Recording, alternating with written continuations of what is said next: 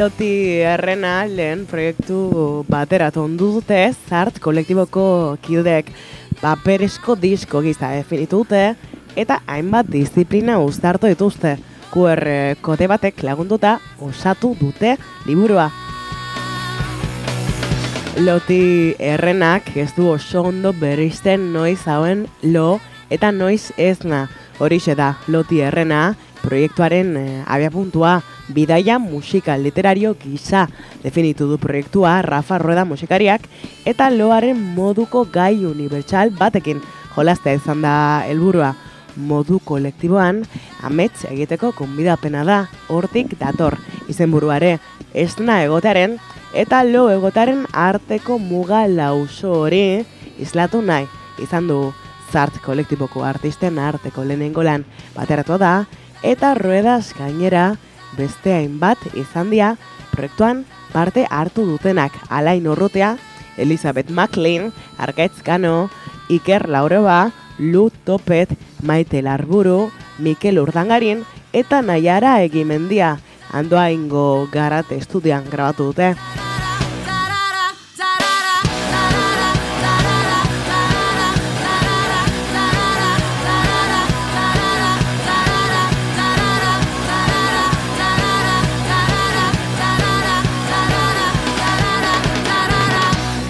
Paperezko disko bat da, azaludu ruedak berez liburu bat e, da euskarri fisikoa, eta horreales horreale askotariko poemak, osnarketak, testu zatiak, ilustrazioak, aurkituko ditu irakuleak beti ere loarekin, lo ezinarekin, edota esna mantentzarekin lotura dutenak argitu du audiotarako zubia berriz QR kode baten bitartez.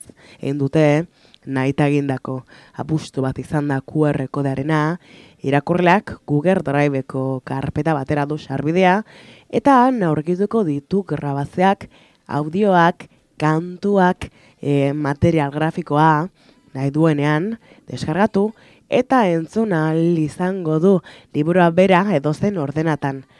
Irakur daitekela aurratu du ruedak, ez dao aririk ez azera damaiera bat edo zein lekutatik az daiteke irakurtzen eta audiak ere nahieran entzun daitezke.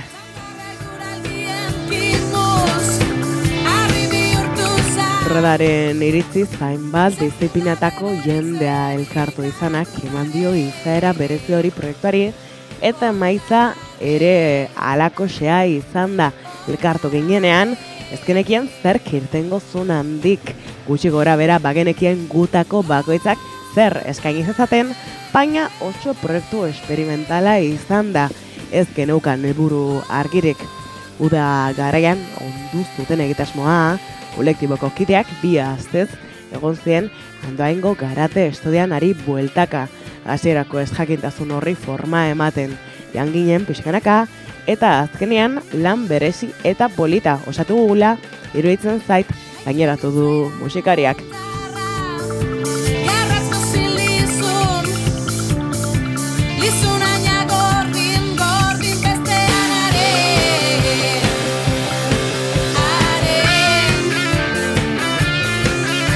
Gano arduratu da testuen gidari itzaz, Elizabeth McLeanek itzuli ditu horiek. Inglesera, eta amazaztea beste eta soinu pieza txertatu dituzte larburuk, ruedak, lut, topetek, urdangarinek, laurobak eta inmendiak komposatu interpretatu dituzte horiek, besak beste urrutia berriz, diseinuaz arduratu da.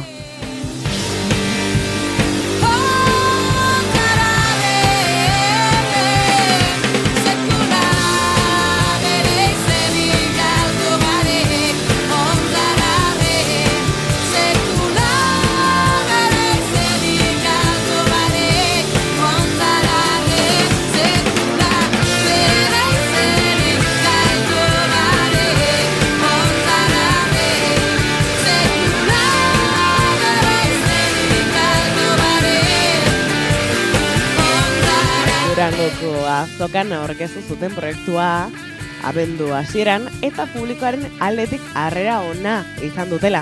Gabarmen dutu musikariak jendea harritu egiten zan proiektuaren nondik durakoak entzutean. ez delako formatu bat, baina oroar, erantzun ona jaso dugu, pozik gaude.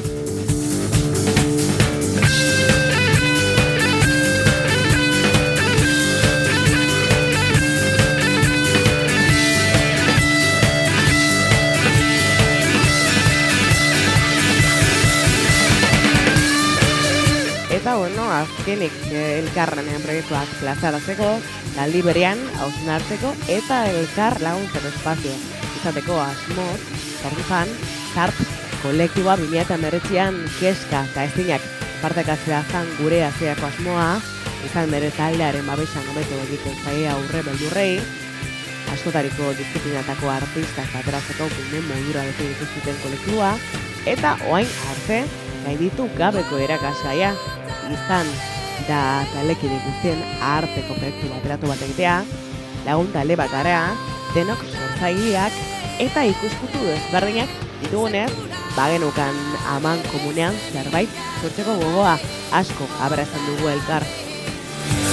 Eta orkestun urbil batean, zuzeneko txinazteko asmoa dute, baina oaindik jasota zazu datarik sortzin dira saltzatan sartu daude guztiok, baina seiatuko gara agendak etetze, zera, bateratzean, eta proiektuak taula gainera ahalik eta lasterren ematen, kontatu durruetak.